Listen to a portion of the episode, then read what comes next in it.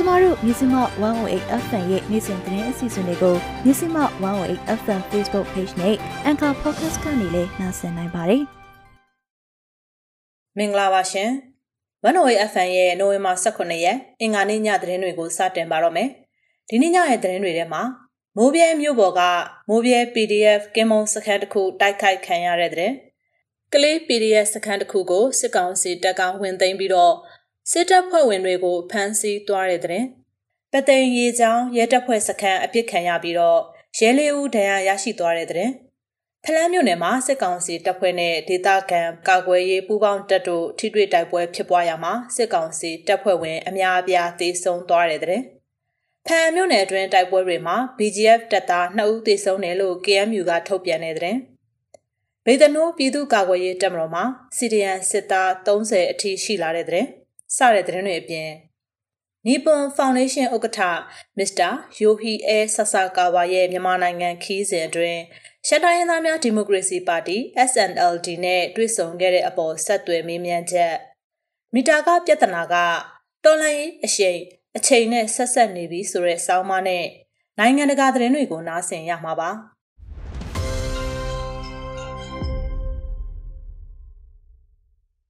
ရှမ်းပြည်နယ်တောင်ပိုင်းမိုးပြဲမြို့ပေါ်ကမိုးပြဲ PDF ကင်းမုံစခန်းကိုနိုဝင်ဘာ18ရက်ဒီနေ့မနက်2နာရီခွဲအချိန်လောက်မှာအကြမ်းဖက်စစ်ကောင်စီတပ်ကအင်အားအလုံးရင်းနဲ့ဝင်ရောက်တိုက်ခိုက်ခဲ့တယ်လို့မိုးပြဲ PDF ကထုတ်ပြန်ပါတယ်။မိုးပြဲ PDF ကတနအီခွဲကြာပြန်လည်ခုခံရင်ဆိုင်ခဲ့ပြီးတော့အင်အားမမျှခဲ့တာကြောင့်ကင်းစခန်းနေရာကနေခက်ခက်ခဲခဲဆုတ်ခွာခဲ့ရတယ်လို့တိုက်ပွဲအပြီးမှာထုတ်ပြန်ခဲ့တာဖြစ်ပါတယ်။ ပြန်လည်ခုခံတိုက်ခိုက်ရင်းနဲ့မိုးပြဲ PDF ဘက်ကစိုးရင်ရတဲ့ပြင်းထန်ဒဏ်ရာရရဲဘော်တဦးနဲ့အသေးစားဒဏ်ရာရရှိသူ2ဦးရှိခဲ့ပြီးတော့အကြမ်းဖက်စစ်ကောင်စီဘက်ကထိခိုက်ကြဆုံးမှုရှိနိုင်တယ်လို့ထုတ်ပြန်ချက်မှာပါရှိပါတယ်။ပြည်သူတွေအိမ်မောကြနေတဲ့အချိန်မှာအကြမ်းဖက်စစ်တပ်ရဲ့တိုက်ခိုက်မှုကြောင့်ညာရင်းချင်းပြည်သူများစွာဟာဘေးလွတ်ရာကိုထွက်ပြေးတိမ်းရှောင်ခဲ့ကြရပါတယ်။ အိမ်မှာပြန်လာတာနှစ်ရက်ပဲရှိပါသေးတယ်။ဒီမနက်စောစောစီစီလက်နက်ကြီးလက်နက်ငယ်တန်းတွေပြန်ကြားရတော့ကလေးတစ်ဖက်ပိုးပြီးတော့ပစ္စည်းတွေကြပြကြရကောက်ပြီးထွက်ပြေးခဲ့ရတယ်။မနက်စောစောဆိုတော့မှောင်သေးတယ်။စိုက်ကယ်မီးလည်းမဖွင့်ရဘူး။မောင်မောင်မဲမဲနဲ့ပဲထွက်ပြေးရတာပေါ့လို့မိုးပြဲဒေတာကန်အမျိုးသမီးတူကပြောပါတယ်။တိုက်ပွဲအတွင်းအကြမ်းဖက်စစ်ကောင်စီကလက်နက်ကြီးတွေနဲ့ရန်တမ်းပစ်ခတ်တာကြောင့်နေအိမ်ဆယ်လုံးထက်မနည်းထိခိုက်ပျက်စီးခဲ့ရတယ်လို့မိုးပြဲ PDF ကထုတ်ပြန်ပါတယ်။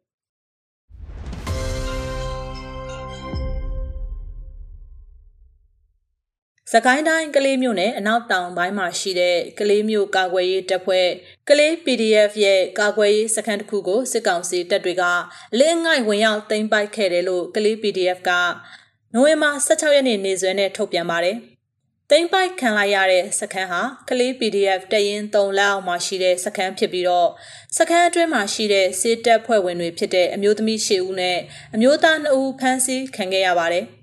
မနေ့မွန်လွဲပိုင်းအချိန်ကစပြီးတော့ညနေ6နာရီအထိကလေး PDF ချင်းမျိုးသားကာကွယ်ရေးတပ်ဖွဲ့ CMDF ချင်းမျိုးသားကာကွယ်ရေးတပ်ဖွဲ့ကလေးနဲ့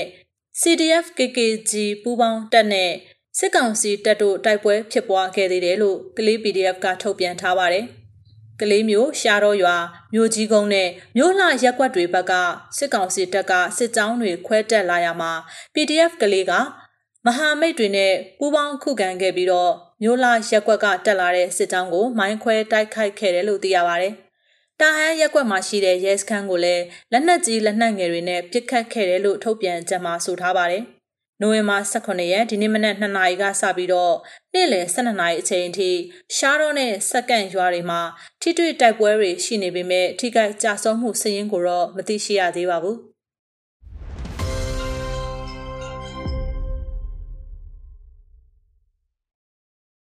အေယာဝတီတိုင်းပသိမ်မြို့ကမ်းနားလန်ကပသိမ်ရီကျောင်းရဲတပ်ဖွဲ့ရှိမှနိုဝင်ဘာ16ရက်မနေ့ည9နာရီကျော်အချိန်ကပြစ်ခတ်မှုဖြစ်ပွားခဲ့ရမှာရဲတပ်ဖွဲ့ဝင်၄ဦးဒဏ်ရာရရှိခဲ့ပြီးတော့ရဲတပ်ဖွဲ့ကပြည်သူတွေကိုပြန်လည်ပြစ်ခတ်ဖမ်းဆီးတာတွေလုပ်ခဲ့တယ်လို့ဒေသခံတွေထံကသိရပါတယ်။အမည်မသိအဖွဲ့ကဝင်ရောက်ပြစ်ခတ်ခဲ့တာဖြစ်ပြီးကင်းပေါင်းဝင်နေတဲ့ရဲတွေထိခိုက်ဒဏ်ရာရရှိသွားတာလို့မြို့ကန်တွေကပြောပါတယ်။ရဲဘက်က၄ယောက်ထိသွားပါတယ်။အဲ့ဒီထဲက2ယောက်လောက်တေလောက်တယ်။ ရဲတွေကပြန်ပစ်နေတော့လမ်းမှာဖြတ်မောင်းသွားတဲ့ဆိုင်ကယ်တစ်စီးကပြန်အလှည့်မှာဆိုင်ကယ်နောက်ကထိုင်လိုက်တဲ့ကလေးတယောက်ပြုတ်ကျသွားပါတယ်။ကြကြည်စံထိသွားတဲ့ပုံစံနဲ့ပြုတ်ကြတာပါအဲ့ဒါကိုဖမ်းထားပါတယ်စိုက်ကယ်မောင်းတဲ့သူတော့လွတ်သွားတယ်အဲ့ဒီအပြင်ကမ်းနားလမ်းမှာဖြတ်သွားတဲ့သူတွေကိုအားလုံးဖမ်းနေတယ်လို့အနီးနားဝန်းကျင်နေထိုင်သူတူကဆိုပါတယ်အခင်းဖြစ်ပွားတဲ့နေရာကိုအနောက်တောင်တိုင်းစစ်ဌာနချုပ်ကတက်ကူတွေရောက်ရှိလာပြီးတော့ကန်နာလန်တရှောင်းနဲ့ဆက်ဆက်လန်းအားလုံးကိုပိတ်ဆို့စစ်ဆေးတာတွေလုပ်ခဲ့ပါတယ်။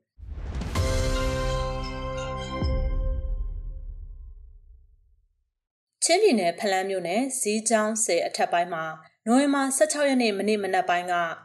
စစ်ကောင်စီတပ်ဖွဲ့နဲ့ဒေသခံကာကွယ်ရေးပူးပေါင်းတပ်တို့ထိတွေ့တိုက်ပွဲဖြစ်ပွားခဲ့တယ်လို့ချင်းမျိုးသားကာကွယ်ရေးတပ်ဖွဲ့ CMDF ကထုတ်ပြန်ပါတယ်။အဲ့ဒီတိုက်ပွဲကို CMDF နဲ့ကလေးပြည်သူကာကွယ်ရေးတပ်ဖွဲ့တို့ပူးပေါင်းတိုက်ခိုက်ခဲ့ကြတာပါ။မနေ့မနက်9:00နာရီကျော်အချိန်ကနေညနေ6:00နာရီအထိအကြိမ်ကြိမ်ထိတွေ့တိုက်ပွဲဖြစ်ပွားခဲ့ရမှာ စစ်ကောင်စီတပ်ဖွဲ့ဝင်20ကျော်တေဆုံးပြီးတော့အများအပြားဒဏ်ရာရခဲ့တယ်လို့ CNDF တပ်ဖွဲ့ဘက်ကလည်းရဲဘော်တအူမစိုးရိမ်ရတဲ့ဒဏ်ရာရရှိတယ်လို့ထုတ်ပြန်ထားပါတယ်။ကလေးမျိုးဘက်ကနေထိုးစစ်ဆင်လာတဲ့လှုပ်ရှားတပ်ဖွဲ့တွေဖြစ်တဲ့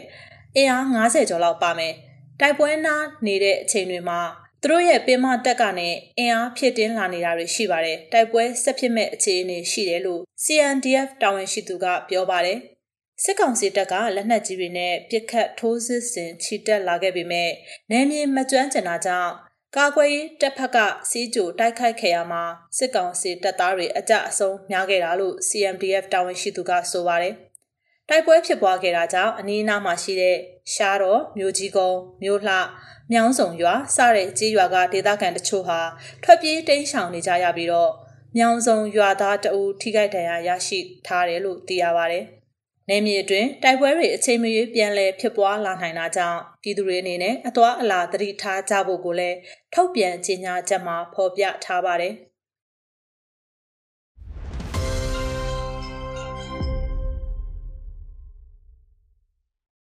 ကင်ပြည်နယ်ဖအံမြို့နယ်အတွင်းဖလန်တောင်ကျေးရွာနဲ့နိုအောလာကျေးရွာအကြားကမဲတနချောင်းအနီးဖြစ်ပွားခဲ့တဲ့တိုက်ပွဲမှာ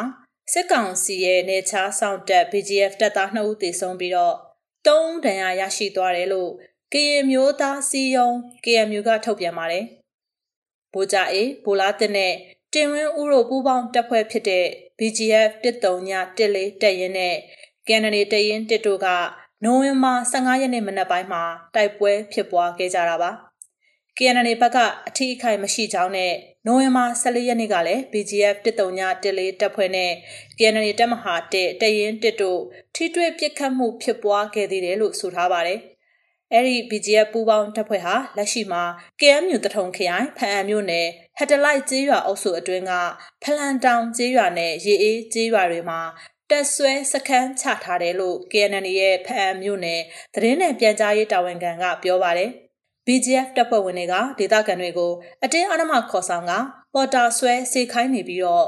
လူသားတိုင်းအဖြစ်အသုံးချနေတယ်လို့လည်း KMU ကသတင်းထုတ်ပြန်ထားပါတယ်။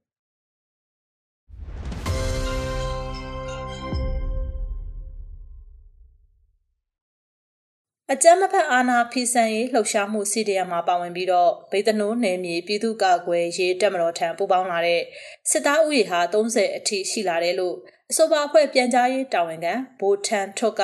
မြစည်းမကိုပြောပါတယ်။စက်တင်ဘာလကနေနိုဝင်ဘာ16ရက်အတွင်းပူးပေါင်းလာသူတွေဖြစ်ပြီးတော့ဗိုလ်ကြီးအဆင့်တက်ကြက်အဆင့်ဒုတက်ကြက်အဆင့်နဲ့ရဲဘော်အဆင့်တွေပါဝင်က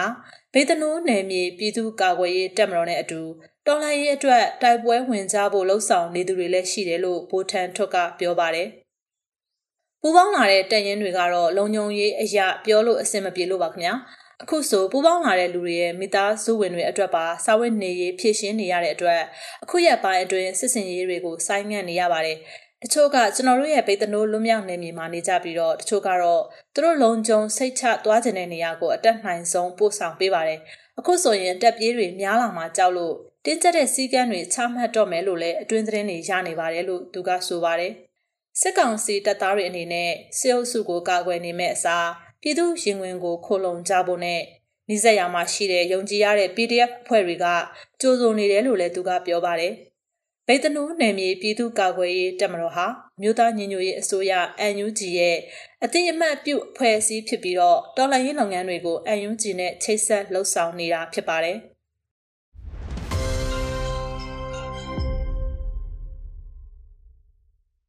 ရန်ကုန်တိုင်းဒေသကြီးထန်းတပင်မြို့နယ်တာဆုံကစစ်စေးရဲကင်းစခန်းကိုနိုဝင်ဘာ15ရက်နေ့ကပြစ်ခတ်သွားခဲ့တဲ့သူတွေကိုဖမ်းမိပြီဆိုတဲ့သတင်းကသတင်းအမှားဖြစ်တဲ့အကြောင်းကိုမတ်မေယူကပြောပြပေးမှာပါ။နားဆင်ကြည့်အောင်ပါ။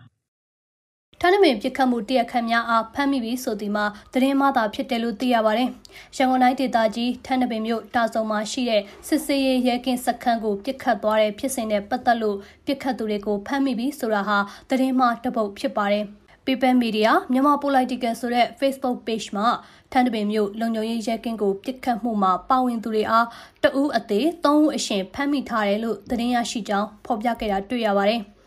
အဲ့ဒီသတင်းဖော်ပြချက်မှာလည်းပြစ်ခတ်မှုမှာအသုံးပြုတဲ့ရှင်ကိုပြစ်ခတ်တဲ့သူတွေဟာလမ်းမေးရှည်မြောင်းတဲ့ကိုထိုးချပြီးအေယာဝတီတိုင်းဘက်ကိုဆက်လက်ထွက်ခွာသွားကြကြောင်းအဲ့နောက်မှာမော်တော်ယာဉ်ကိုပြောင်းလဲပြီးရန်ကုန်ပြန်အဝင်တိုးကိတ်မှာစစ်ကောင်စီတပ်သားများနဲ့အပြန်အလှန်ပြစ်ခတ်မှုဖြစ်ခဲ့သည်ဟုဆိုပါတယ်ထန်းနမေတိုးဂိတ်ဖြစ်စဉ်နဲ့ပတ်သက်ပြီးအစကနဦးမှာပြစ်ခတ်မှုပြုလုပ်သူများအသုံးပြုတဲ့ရင်းလို့ဆိုကရေကန်ထဲကိုအဖြူရောင်ကားတစ်စီးထိုးကျနေတဲ့ပုံပြန့်နှံ့ခဲ့ပါတယ်။ အဲ့နောက်မှာစစ်ကောင်စီတပ်သားတွေကပြစ်ခတ်သူများအားဖမ်းဆီးရမိကြောင်းထုတ်ပြန်ရမှာတော့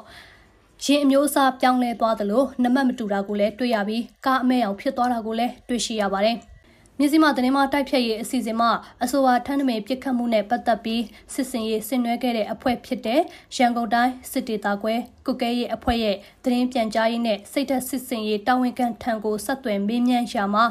စစ်စင်ရေးဆင်နွှဲခဲ့တဲ့ကားအမျိုးအစားနဲ့အယောင်ကိုတော့ပြောလို့မရပါဘူး။မနေ့ကအဖမ်းခံသွားရတဲ့သူတွေတိတ်ဆုံးသွားတဲ့သူတွေဟာဒီဖြစ်စဉ်နဲ့ပတ်သက်မှုမရှိတာကိုခိုင်ခိုင်မာမာပြောလို့ရပါတယ်။ပြည်သူတွေတတိရှိကြပါကျွန်တော်တို့အကောင်းဆုံးလက်တုံပြန်နိုင်အောင်စ조사နေပါတယ်ဆိုပြီးပြန်လည်ဖြေကြားခဲ့ပါတယ်။ဒါကြောင့်လက်ရှိမှာပြန့်နှံ့နေတဲ့ထန်းတမင်မျိုးလုံခြုံရေးရှဲကင်းတိုက်ခိုက်ခံရမှုဖြစ်စဉ်မှာပါဝင်သူတွေကိုဖမ်းဆီးရမိပြီဆိုတာကတော့သတင်းအမှားဖြစ်ကြောင်းသိရှိရပါတယ်။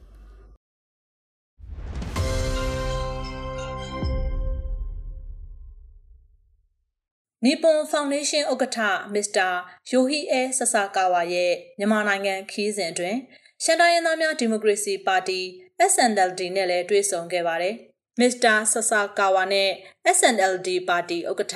ဆိုင်းညွန့်လွင်တွဲဖက်အတွင်းမှုဆိုင်းကျော်ညွန့်တို့နိုဝင်ဘာ16ရက်နေ့နေ့လယ်ပိုင်းက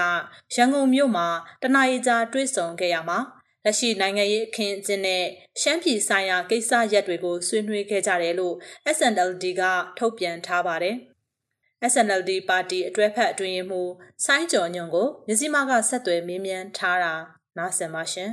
။ဆရာတို့အနေနဲ့တော့ဒီတွေးဆုံမှုမှာအဓိကဘာတွေဆွေးနွေးဖြစ်ခဲ့လဲမသိဘူးရှင်။ဒီမစ္စတာဆဆာကောင်နဲ့တွေးဆုံမှုမှာဟုတ်ကဲ့။အာအပြန်လန်ဆွေးနွေးတယ်ဆိုတာထက်လေသူကဒီတစ်ခေါက်သူလာတာ silent တော့ဗောလေဟောပေါ့ silent diplomacy ဆိုပြီးတော့နည်းနည်းအတန်တိတ်တန်တယ်နော်ဆိုတော့အဓိကအားဖြင့်တော့သူကတိတ်စကားတိတ်မပြောဘူးသူဘာလုပ်မလဲဆိုသူမပြောဘူးသူကအဓိကပို့ပြီးတော့နာလာနားထောင်တဲ့တော့ရှိတယ်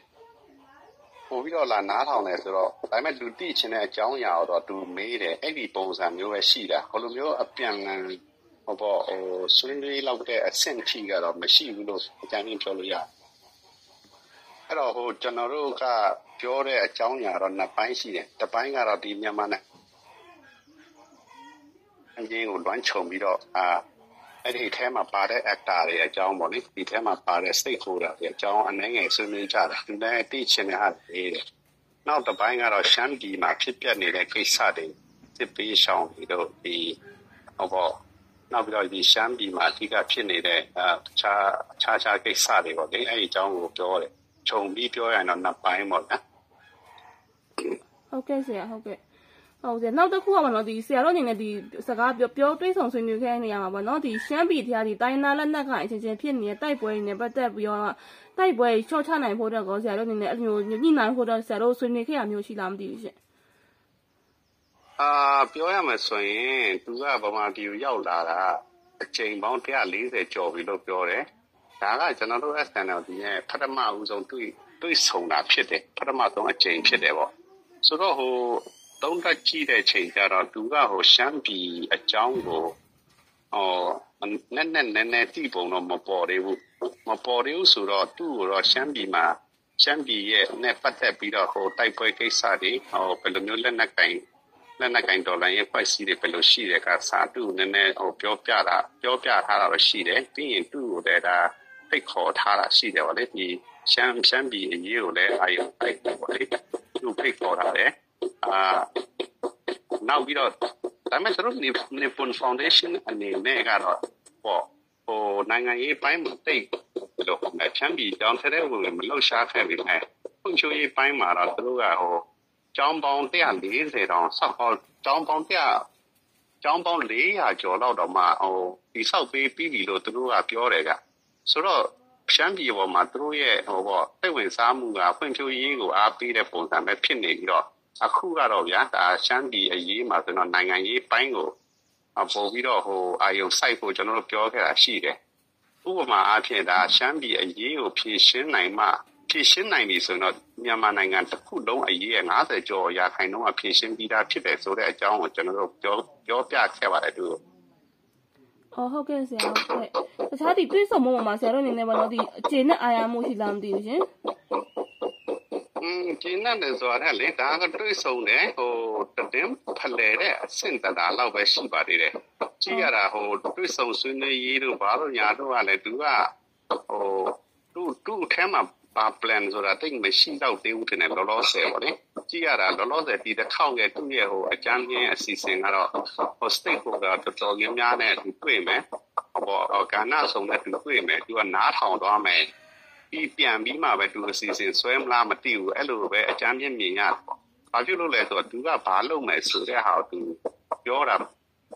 တိတ်မရှိလို့လေအဲ့ဒါကြောင့် အော်ဟုတ်ကဲ့ရှင်ဆရာဟုတ်တခြားဟုတ်တခြားပြောချင်တာများရှိသေးလားမရှင်ကျွန်တော်မေးတဲ့ထဲမှာပါပဲပဲနော်ဟုတ်ကဲ့อืมမရှိပါဘူးဒီဟိုပေါ့ဒီမြန်မာနိုင်ငံတစ်ခုလုံးရဲ့ sorry မြန်မာနိုင်ငံတစ်ခုလုံးရဲ့အရေးနဲ့ပတ်သက်ပြီးတော့သူတော့စိတ်ဝင်စားပါတယ်လောလောဆယ်ဟိုဖြစ်ဖြစ်နေတဲ့ဒီဒီဟိုပေါ့ဒီတော်လိုင်းရေးကိစ္စတွေပေါ့ဒါမျိုးတော်လိုင်းရေးကိစ္စတွေဒီလှုပ်ရှားနေတဲ့အဖွဲ့တွေဟောဒါနိုင်ငံရေးများရောဒါ ဟိုအဲ့ဒီပိုင်းတွေတော့သူဖက်ထက်ဝင်နေတော့သူကြည့်ချင်တဲ့အတွက်ကြောင့်မို့လည်းနည်းဟောတိတလောက်လေးတော့ပြောပေးခဲ့တာရှိပါတယ်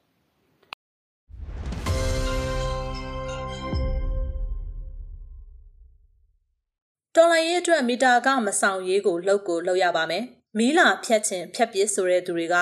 ကိုယ့်ရဲ့ဒီချက်ကိုပေါ်ပေါ်ထင်ထင်ပြသလိုမီတာကဆောင်သူတွေကိုလည်းလူမှုကွန်ရက်ပေါ်ကနေတိုက်ခိုက်လာခဲ့ပါတယ်။ ထို့နည်းတူမီးပြတ်တောက်လာရင်ကြုံလာမဲ့နေတတူဝပြဿနာတွေကြောင့်ဆောင်းမကိုဖြစ်မယ်။တော်လန်ရေးနဲ့နေတတူဝပြဿနာကိုမရောထွေးကြဖို့တံပြန်ခဲ့ကြပါတယ်။မီတာကစောင့်ခြင်းမဆောင်ခြင်းဟာတော်လန်ရေးရဲ့အရှိန်နဲ့အချိန်နဲ့လည်းဆက်ဆက်နေပါတယ်။မီတာကပြဿနာကတော်လှန်ရေးအရှိန်အချိန်နဲ့ဆက်ဆက်နေပြီဆိုတဲ့စောင်းမကိုမတ်မေယူကတင်ဆက်ထားပါတယ်။နားဆင်ပါရှင်။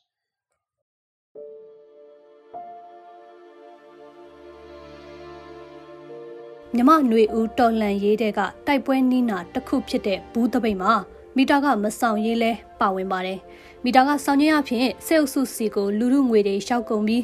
လူသက်လက်နက်တွေဖြစ်လာလိမ့်မယ်ဆိုတဲ့တိုက်တွန်းလှုပ်ဆော်ချက်တွေလည်းအလုပ်ဖြစ်ခဲ့ပါတယ်။မီတာကမဆောင်ရေးလှုပ်ရှားမှုဟာနိုင်ငံရေးအရာအကျိုးအမြတ်ရှိခဲ့တယ်လို့လူထုကလည်းစေအုပ်စုစီငါတို့ပတ်စံမရောက်စေရဘူးဆိုတဲ့နိုင်ငံရေးတက်ကြွစွာပါဝင်မှုကိုချစ်ထွန်းစေခဲ့တာပါ။ စေအုပ်စုဟာမီတာကမဆောင်တာနဲ့ပတ်သက်လို့ຫນွေဦးတော်လန်ရဲ့အစာပိုင်းမှာလူထုကိုလွှတ်ထားပေးခဲ့ပါတယ်။ရက်စစ်ဝန်ထမ်းတွေကိုယ်တိုင်ဆန္ဒပြမှုတွေပါဝင်နေတာကတကြောင်မီတာကကောက်ရေးထက်အရေးကြီးတဲ့အုပ်ချုပ်ရေးကဏ္ဍလစ်ဟာသွားမှုကိုဖြည့်တင်းဖို့အသေးအတန်စ조사နေရတာကြောင့်တကြောင်ဒီကိစ္စကိုလွှတ်ထားပေးခဲ့တာပါ။အင်တာနက်ဖြတ်တောက်စဉ်ကလမ်းပေါ်ကိုအရှိန်နဲ့တက်ခဲ့တဲ့လူလူလိုင်းကြောင့်စေအုပ်စုဟာမီးဖြတ်တာမျိုးမလုပ်ခဲ့တာလည်းဖြစ်ပါတယ်။ ဒါပေမဲ့မီတာကစောင့်ကြဖို့အတွက်ဂျွန်ဂျွန်လိုင်လာပိုင်းကာလမှာတစ်ချိန်လှုပ်ခဲ့ပါသေးတယ်။မိဖြတ်မဲဆိုတဲ့ချင်းချောက်မှုတွေကြောင့်သွားဆောင်ခဲ့တဲ့သူတွေရှိခဲ့သလိုတော်လှန်ရေးအင်အားစုတွေဘက်ကလည်းမီတာရှုံးတွေကိုတိုက်ခိုက်မှုတွေရှိလာခဲ့ပါတယ်။ဒီနောက်မှာစေအုပ်စုရဲ့မီတာကဆောင်ရေးလှုပ်ရှားမှုတွေခိတခဏငြိမ်သွားခဲ့ပါတော့တယ်။ ဒါပေမဲ့မိဖြတ်တာကိုကြောက်တဲ့သူတွေရှိတယ်ဆိုတာကိုသိသွားတဲ့စေအုပ်စုဟာမီတာယုံကိုလာဆောင်ဖို့လုံခြုံရေးစိတ်မချသူတွေအတွက်ဘဏ်ကနေပေးဆောင်နိုင်ကြောင်းနောက်တစ်ဆင့်တက်လာပါတော့တယ်။ဆောင်တဲ့သူတွေလည်းရှိသလိုငါတို့ပတ်စံစစ်အုပ်စုကိုမပေးဘူးဆိုပြီးဘူးတပိတ်တွေကလည်းပို့ပြီးတော့အကောင်းလာခဲ့ပါတယ်။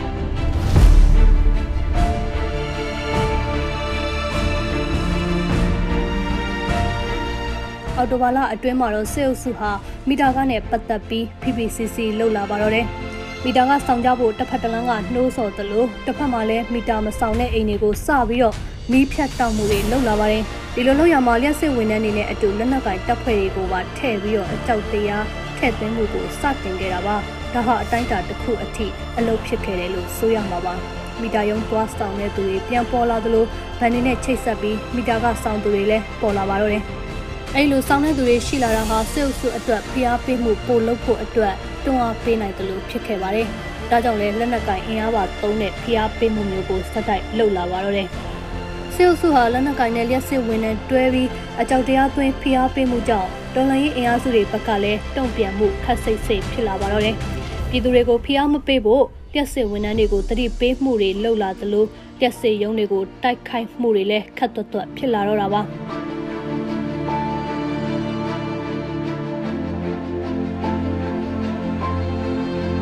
စေအုပ်စုဟာမီတာကကောက်ယူရေးအတွက်လျှက်စစ်ဝန်ထမ်းတွေထိခိုက်မှာကိုတိတိကြီးနဲ့လှုပ်ဆောင်နေတာဟာအထက်ကဆိုခဲ့သလိုပဲအားပြော့လာတဲ့ဗန်နာရေးအခြေအနေကိုထိမ့်သိမ်းနိုင်ဖို့ပါ။ဘာကြောင့်လဲဆိုအာနာသိမ့်ပြီးကတည်းကမီတာကမကောက်ထားတဲ့အတွက်ငွေတွေကိုစုဆောင်းထားပြီးဖြစ်တယ်လို့ဖြစ်နေပါတယ်။2019ကြားဖြတ်တကောင်စရင်အရမြန်မာနိုင်ငံမှာအိမ်အောင်စုပေါင်း17.6တန်းကျော်ရှိတာပါ။ရန်ကုန်၊အေရဝတီ၊မန္တလေး၊ပဲခူး၊ရှမ်း၊စကိုင်း၊မကွေးတို့မှာအများဆုံးပါ။ ဒီဒေသတွေကိုကြည့်ရင်မြို့ပြ area ကျဲတဲ့ဒေသတွေဖြစ်သလိုရက်စမီသုံးဆွဲမှုလည်းမြင့်မားတဲ့နေရာတွေပါစုစုပေါင်းအိမ်အောင်စုရဲ့ထက်ဝက်ကျော်ဖြစ်တဲ့6တန်းနီးပါးဟာရက်စမီကိုအလင်းရောင်အတွက်အားထားနေရကြောင်း2019ကြားဖြတ်တကောက်စရင်ပါကိန်းကနန်းကဖော်ပြနေပါတယ်။နေအောင်ကြီးစွမ်းအင်သုံးဆိုလာစနစ်သုံးတဲ့သူကတော့3.2တန်းကျော်ရှိပြီး၄သိန်းနီးပါးကန်ကတော့မီးစက်တွေကိုသုံးဆွဲနေရတာပါ။ ဘက်ထရီအသုံးပြုသူဟာလည်းတသန်းနီးပါးရှိပြီးဖျောင်းနိုင်သုံးဆွဲရသူ9သိန်းနီးပါးရှိပါတယ်။တနိုင်တစ်ပိုင်းရေအားလေအားလျှက်စစ်သုံးတဲ့သူတွေကလည်း9000ခန့်ရှိပြီးရေနံစီအသုံးပြုရတဲ့သူကတော့9400ကျော်ရှိပါတယ်။ဒေသကြီးပြည်နယ်အလိုက်ရက်စစ်မီကိုမိဖို့ရမှုဟာကြရားဖြစ်ပြီး စုစုပေါင်းရဲ့84ရာခိုင်နှုန်းကျော်ရန်ကုန်83ရာခိုင်နှုန်းကျော်မန္တလေး66ရာခိုင်နှုန်းကျော်နေပြည်တော်64ရာခိုင်နှုန်းကျော်ရှမ်း56ရာခိုင်နှုန်းကျော်ရခိုင်52ရာခိုင်နှုန်းကျော်ရှိပါတယ်။စကိုင်းမကွေးကရင်ပဲခူးတို့မှာ40ရာခိုင်နှုန်းနဲ့အထက်တွေပါ။ချင်းမှာတော့26ရာခိုင်နှုန်းကျော်နဲ့အေရဝတီမှာ20ရာခိုင်နှုန်းကျော်လို့ရှိတာပါ။နိုင်ငံရဲ့လူထုဟာအလင်းရောင်တွက်တင်မကပါဘူး။အစားအသောက်တွက်လဲလျှက်စစ်မီးကိုသုံးဆွဲရပါတယ်။ အစားအသောက်တွက်စွမ်းအင်ကိုသုံးတဲ့နေရာမှာလျှက်စစ်မီးမီးဆက်ဆိုလာရေနံစီ gas ထင်းမီးသွေးကြောင်မီးသွေးကောက်ရိုးမြက်ချောက်အမျိုးအစားအစုံအလင်ရှိတယ်ဆိုပေမဲ့2019ကြားဖြတ်တကောင်စင်ရဲ့အချက်လက်ရအိမ်တော်စု၄ .2 တန်းကျော်ဟာပြက်စမီကိုပဲအဓိကထားသုံးဆွဲနေရပါတယ်။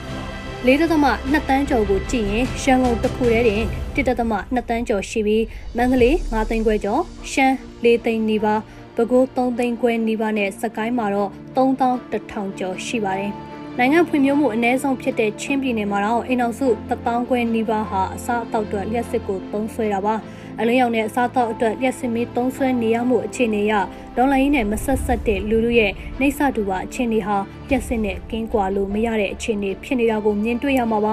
ဒါဟာစစ်အုပ်စုအတွက်အကြိုက်တွေ့စေတဲ့ကိန်းကနန်းမှာပဲ ပုံမှန်အဖြစ်လျှက်စစ်မီသုံးဆွဲနေတဲ့သူအများစုဟာစစ်တပ်အာဏာသိမ်းပြီးတဲ့ကတော်လှန်ရေးလှုံ့ဆော်မှုကြောင့်ဖြစ်စေအခြားအခြားသောအကြောင်းကြောင့်ကြောင့်ဖြစ်စေမိတာကမဆောင်ထားတဲ့သူတွေများပါတယ်စစ်တပ်နဲ့နှိစက်တဲ့ CDM မလုပ်တဲ့အစိုးရဝန်ထမ်းတွေလောက်သာမိတာကစောင့်ကြတာပါဒါတော့အထက်ကဖျားကြောင်ဆိုတာအထူးပြောနေစရာမလိုပါဘူးဒါကြောင့်တာမန်အားဖြင့်နေအိမ်တက်အိမ်မိသားစုတစ်ခုဟာမိတာကဆောင်ဖို့ကြတဲ့ငွေအနည်းအများအလိုက်3သိန်းကနေ5သိန်းပတ်ဝန်းကျင်အထိရှိနေပါပြီ။ အတီးပြုလို့မရနိုင်သေးတဲ့အချက်လက်အရမီတာကျွေးကြံ9သိန်းနဲ့9သိန်းကျော်ရှိတဲ့အိမ်တွေကိုမီးလိုက်ဖြတ်တယ်လို့သိရပါတယ်။ကျွေးကြံ3သိန်းအထက်ရှိတဲ့သူတွေလည်းညမကြမီကာလမှာလက်ရှိသုံးဆွဲနေစေအခြေအနေကြောင့်9သိန်းအထိဖြစ်လာဖို့ပဲရှိပါတော့တယ်။နိုင်ငံအိမ်အောင်စုစုစုပေါင်းဖြစ်တဲ့9.6တန်းကျော်ဟာအလင်းအောင်အတွက်လျှက်စစ်မီကိုသုံးနေရမှာဖြစ်လို့မီတာကဆောင်ရမယ့်မိသားစုတွေအဖြစ်သတ်မှတ်ရမှာပါ။ ဒီထဲမှာစစ်တပ်နဲ့ CDM မဟုတ်သောအစိုးရဝန်ထမ်းမိသားစုတွေလည်းပါပါတယ်။ဒါကြောင့်မီတာဆောင်ရမယ့်မိသားစုအရေးအတွက်ရဲ့ထက်ဝက်ကသာတအိမ်တော်ကိုကြက်9သိန်းစီမီတာကဆောင်ကြမယ်ဆိုရင်စေအုပ်စုဟာဒီကနေကြက်သမောင်း1.4တန်းကျော်အထိရရှိသွားမှာပါ။ဒီပမာဏဟာစီမံခန့်ခွဲမှုညံ့ဖျင်းတဲ့စေအုပ်စုအတွက်အသက်ရှူပေါက်တစ်ခုဖြစ်သွားစေပါလိမ့်မယ်။ဒါကြောင့်လည်းမီတာကဆောင်ဖို့အတွက်အရက်သေးလက်နက်နဲ့ချိန်ချောက်ပြီးမီးဖြတ်တာတွေလုပ်ဖျားတွေပေးနေတာပါ။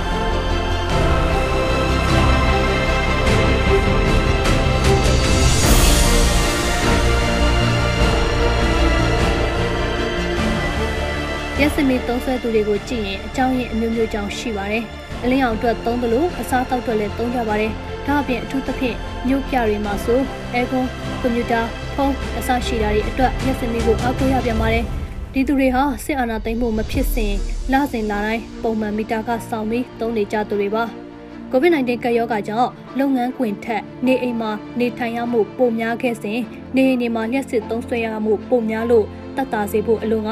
အမျိုးသားဒီမိုကရေစီအဖွဲ့ချုပ် NLD အစိုးရလက်ထက်မှာမီတာကတွေ short ချပေးခဲ့တာပါဒီကနေ့အထိလဲကိုဗစ်ကြောင့်လုပ်ငန်းခွင်ပြန်မဝင်နိုင်သေးပဲနေအိမ်တွေမှာပဲ work from home လုပ်နေရတဲ့သူတွေရှိသလိုအခြားအခြားသောလိုအပ်ချက်တွေကြောင့်ရက်စင်မီကိုအားကိုးနေရတဲ့သူတွေလည်းအများကြီးရှိပါတယ်ဒီလိုအပ်ချက်ဟာလက်ရှိဖြစ်နေတဲ့နိုင်ငံရေးအကြက်အတဲမရှိခင်ကတည်းကရှိနေတဲ့အရာပါ။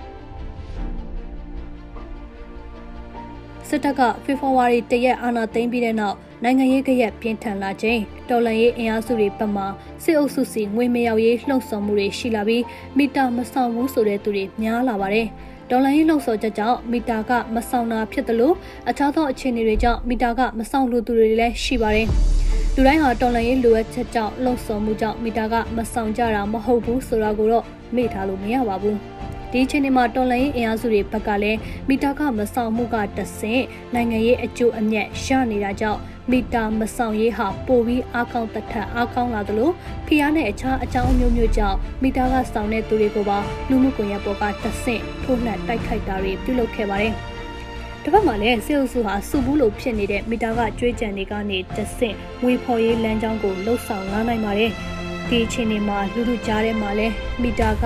ဆောင်တဲ့သူတွေမဆောင်တဲ့သူတွေကြားသဘောထားမတူညီမှုတွေဖြစ်လာပါပြီ။ဒေါ်လာရဲ့အတွက်မီတာကမဆောင်ရေးကိုလုပ်ကိုလုပ်ရမယ်။မီလာဖြတ်ချင်းဖြတ်ပြစ်ဆိုတဲ့သူတွေဟာကိုယ့်ရဲ့ရည်တည်ချက်ကိုပေါ်ပေါ်တင်တင်ပြနေတယ်လို့မီတာကဆောင်တဲ့သူတွေကိုလည်းလူမှုကွန်ရက်ကနေပြီးတော့ဖိုက်ခိုက်တာတွေဖြစ်လာပါတယ်။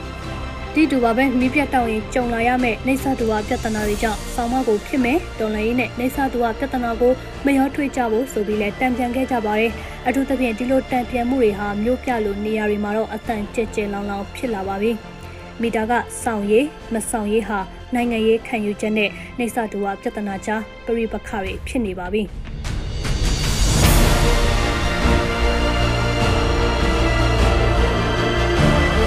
မီတာကစောင့်ခြင်းမဆောင်ခြင်းဟာနိုင်ငံရေးပြဿနာနဲ့ဆက်ဆက်သလားဆိုရင်ဆက်ဆက်တယ်လို့ဆိုလိုနိုင်တယ်လို့နှိစ္စတူကလူမှုစည်းဝါးဘဝနဲ့လည်းမကင်းကွာနိုင်ပါဘူးနိုင်ငံရေးခံယူချက်ကြောင့်စစ်တပ်စီငွေမရောက်စေရဘူးဆိုတဲ့သူတွေဟာလည်းသူ့အမြင်နဲ့သူဖြစ်တယ်လို့ပြည့်စင်ပြီးလိုအပ်ချက်ကြောင့်တွားဆောင်မယ်ဆိုတဲ့သူတွေဟာလည်းသူတို့အမြင်နဲ့သူတို့ပါနောက်တစ်ခုကတော့တော်လှန်ရေးရဲ့အရှိန်နဲ့အချိန်နဲ့လည်းဆက်ဆက်နေပါတယ် ဒေါ်လေးဟာခက်မြန်မြန်ပြီးသွားမယ်ဆိုရင်ပီတာကစောင်းရေးမဆောင်ရေးဟာနောက်ပေါက်ကျမှာဖြစ်ပြီးဒေါ်လေးဟာကြာနေမယ်ဆိုရင်တော့ပြက်စင်မီးကြောင့်ကြုံလာနိုင်တဲ့အခက်အခဲအကြက်တဲတွေကိုတောက်ခံနိုင်ဖို့ခက်လို့ပီတာကစောင်းတဲ့သူတွေတိုးလာမှာပါဒါကိုဆေးအုပ်စုဘက်ကတွက်ချက်နေသလိုတော်လိုင်းရေးအင်အားစုတွေဘက်ကလည်းတွက်ချက်ကြဖို့လိုအပ်ပါတယ်။ နိုင်ငံအိမ်အောင်စုရဲ့ထက်ဝက်ကျော်ဟာလျှက်စစ်မီကိုအားထားနေရတဲ့အတွက်ဒါကိုကင်ပြီးစစ်တပ်ကဖိအားပေးငွေရှာလာခြင်းကိုရှက်တန့်စေဖို့မိတာယုံတွေကိုပြစ်မှတ်ထားနေတာဟာအလုတ်ဖြစ်ရလားဆိုတာကိုတွက်ဆဖို့လိုအပ်နေပါပြီ။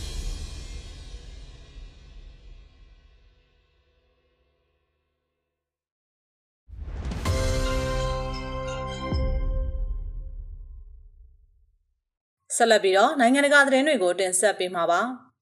အမေရိကန်လွှတ်တော်အမတ်တွေရဲ့ထိုင်ဝမ်ခီးစဉ်အပေါ်တရုတ်ဒေါသထွက်နေတဲ့အကြောင်းကိုနားဆင်ပါအမေရိကန်လွှတ်တော်အမတ်များရဲ့ထိုင်ဝမ်အစီအစဉ်ပေါ်မှာတရုတ်ဒေါသထွက်နေပါတယ်။တရုတ်နဲ့ထိုင်ဝမ်အကြားဆက်ဆံရေးဆက်လက်ကျဆင်းနေသလိုနှစ်ဖက်စလုံးမှစစ်ရေးအရာရန်ဆောင်မှုများရှိနေခြင်းအမေရိကန်လွှတ်တော်အမတ်တွေရဲ့ထိုင်ဝမ်ခရီးစဉ်အပေါ်တရုတ်အစိုးရကနိုဝင်ဘာ10ရက်မှာပြင်းပြင်းထန်ထန်တုံ့ပြန်ခဲ့ပါတယ်။ ထိုင်ဝမ်ကျွန်းမှာခွဲထွက်ရေးသမားများနဲ့ပူးပေါင်းခြင်းကိုရပ်တန့်ရန်တရုတ်ကအမေရိကန်လွှတ်တော်အမတ်များကိုတိုက်တွန်းခဲ့ပြီးဒီလိုနည်းဗျူဟာတွေဟာနောက်ဆုံးမှာရလက်ပြောင်းပြန်ထွက်လိမ့်မယ်ဆိုပြီးတော့ပြောကြားခဲ့တာပါတရုတ်နိုင်ငံပြန်လည်ပေါင်းစည်းရေးမှာစိန်ခေါ်မှုနဲ့အန္တရာယ်ရှိတဲ့လှုပ်ဆောင်ချက်မှန်သမျှဟာပြက်ပြဲသွားလိမ့်မယ်လို့တရုတ်နိုင်ငံရေးဌာနရဲ့ပြောရေးဆိုခွင့်ရှိသူဝမ်ဝေပင်းကသတင်းစာရှင်းလင်းပွဲမှာပြောခဲ့ပါတယ်။အမေရိကန်အမတ်များနဲ့လွှတ်တော်ကိုယ်စားလှယ်အဖွဲ့တစ်ဖွဲ့ကိုတင်ဆောင်လာတဲ့အမေရိကန်တပ်ယူပို့ဆောင်ရေးလေယာဉ်တစ်စီးဟာ နိုဝင်ဘာ9ရက်ကထိုင်ဝမ်ကိုစိုက်ကတ်ချိန်ထိုင်ဝမ်ရှိလကြားအနီးတရုတ်စစ်တပ်ကတိုက်ပွဲအတွက်အစင်သစ်ကင်းလှည့်မှုကိုပြုလုပ်ခဲ့ပါသေးတယ်။တရုတ်စစ်တပ် PLA ရဲ့အရှေ့ပိုင်းတပ်ပေါင်းစုဌာနချုပ်ဟာထိုင်ဝမ်ရေလက်ကြားအနီးမှာပူးတွဲတိုက်ပွဲဝင်ရန်အဆင့်သစ်ကင်းလှည့်မှုကိုပြုလုပ်ခဲ့ကြောင်းစစ်ဘက်ဆိုင်ရာနဲ့ဌာနခွဲများစွာရဲ့ပူးတွဲတိုက်ခိုက်ရေးစွမ်းရည်ကိုပုံမတိုးတက်ကောင်းမွန်စေရန်ဖြစ်တယ်လို့ PLA ရဲ့ပြောရေးဆိုခွင့်ရှိသူတဦးကပြောခဲ့ပါတယ်။ အမေရိကန်ထက်လွှတ်တော်အမတ်များရဲ့ထိုင်ဝမ်ခရီးစဉ်ကိုထိုင်ဝမ်မှာရှိတဲ့အမေရိကန်တန်ယုံအဖြစ်ဆောင်ရွက်နေတဲ့ American Institute မှစီစဉ်ပေးတာဖြစ်တယ်လို့ The Taiwan Focus ကဖော်ပြခဲ့ပါတယ်။တရုတ်စစ်တပ်ဟာထိုင်ဝမ်ရဲ့လေကြောင်းရန်ကာကွယ်ရေးသတ်မှတ်ဆုံး ADI ဇက်အတွင်းကိုစစ်လေရင်အများအပြားကိုအော်တိုဘာလအတွင်းကဆေလွတ်ခဲ့ပါသေးတယ်။ဒီအကြောင်းကိုမက်မေယူကတင်ဆက်သွားတာပါ။ ဆက်လက်ပြီးတော့အာဖဂန်နစ္စတန်မှာလူအခွင့်အရေးတက်ကြွလှုပ်ရှားသူတွေအသက်ခံနေရတဲ့အပေါ်ကုလကစိုးရိမ်ပူပန်နေတဲ့ဆိုတဲ့အကြောင်းကိုမက်မေယူကပဲပြောပြပေးမှာပါအာဖဂန်နစ္စတန်မှာတော့လူအခွင့်အရေးတက်ကြွလှုပ်ရှားသူများအသက်ခံနေရမှုအပေါ်ကုလစိုးရိမ်ပူပန်နေပါတယ်။ အာဖဂန်နစ္စတန်နိုင်ငံမှာလူအခွင့်အရေးခုခံကာကွယ်သူများအသက်ခံရတဲ့ဖြစ်စဉ်နဲ့ပတ်သက်လို့အထူးစိုးရိမ်ပူပန်မိကြောင်းအာဖဂန်နစ္စတန်မှာရှိတဲ့ကုလသမဂ္ဂရဲ့အကူအညီပေးရေးမစ်ရှင်ကနိုဝင်ဘာ9ရက်မှာထုတ်ဖော်ပြောကြားခဲ့ပါတယ်။လူခွင့်ရေးခုခံကာကွယ်သူတွေဖြစ်တဲ့မာဆာအီရှာရစ်မျိုးက Frozen Safi နဲ့ဂျာလာလာဘတ်မျိုးက Hira Tula Khojani တို့အသက်ခံရတဲ့သတင်းတွေအပေါ် UNAMA အနေနဲ့အင်မတန်ဆိုရင်ပူပန်မိပါတယ်ဒီဖြစ်စဉ်နဲ့ပတ်သက်လို့လွတ်လပ်ပြီးဗတ်မလိုက်တဲ့စုံစမ်းစစ်ဆေးမှုတရက်ချက်ချင်းလှုပ်ဆောင်ဖို့ကုလဘက်ကတောင်းဆိုပါတယ်အရက်ဘက်လူဖွဲ့စည်းဆိုတာပြစ်မှတ်တစ်ခုမဟုတ်ပါဘူးပြစ်မှုကျူးလွန်သူတွေပြစ်ဒဏ်ခတ်မခံရတာကတော့ဖြစ်တဲ့ကိစ္စတစ်ခုမဟုတ်ပါဘူးဆိုပြီး UNAMA ကထုတ်ပြန်ချက်တစ်စောင်ထုတ်ပြန်ခဲ့ပါတယ် အာဖဂန်နစ္စတန်မြောက်ပိုင်းဘော့တ်ပြည်နယ်မာဆာအီရှာရစ်မြို့မှာအမျိုးသမီးတက်ကြွလှုပ်ရှားသူ၄ဦးအသက်ခံရတဲ့သတင်းတွေထွက်ပေါ်ပြီးတဲ့နောက် UNAMA ရဲ့သတင်းထုတ်ပြန်ချက်ထွက်ပေါ်ခဲ့တာပါ။အာဖဂန်နစ္စတန်နိုင်ငံမှာလူခွင့်ရေးဆိုင်ရာလှုပ်ရှားမှုများမှာပါဝင်လှုပ်ဆောင်ထားတဲ့အထူးသဖြင့်အမျိုးသမီးများရဲ့အခွင့်အရေးအတွက်တိုက်ပွဲဝင်နေတဲ့အမျိုးသမီး၄ဦးကိုဘသူပဲဝါမှန်းမသိရတဲ့သူတွေကပြစ်ခတ်ခဲ့တာဖြစ်တယ်လို့ရုရှားသတင်းအေဂျင်စီ Sputnik ကဖော်ပြခဲ့ပါတယ်။ အာဖဂန်နစ္စတန်မှာဩဂတ်စ်လတုန်းကအရင်အစိုးရပြုတ်ကျခဲ့ပြီးတာလီဘန်တို့ထိန်းချုပ်ခဲ့တဲ့နောက်အမျိုးသမီးများအပေါ်အမျိုးမျိုးသောအကြမ်းဖက်မှုဖြစ်စဉ်တွေထွက်ပေါ်ခဲ့တာပါကဘာတဝန်းကထပ်တလဲလဲတိုက်တွန်းတောင်းဆိုမှုတွေရှိပေမဲ့တာလီဘန်တွေဟာအမျိုးသမီးများရဲ့လုံခြုံရေးနဲ့အားလုံးပါဝင်သောအစိုးရတရက်ဖွဲ့စည်းမယ်ဆိုတဲ့သူတို့ရဲ့ကတိကဝတ်တွေအတိုင်းလိုက်နာဖို့ပြက်ကွက်တာကိုလည်းတွေ့ရပါတယ်။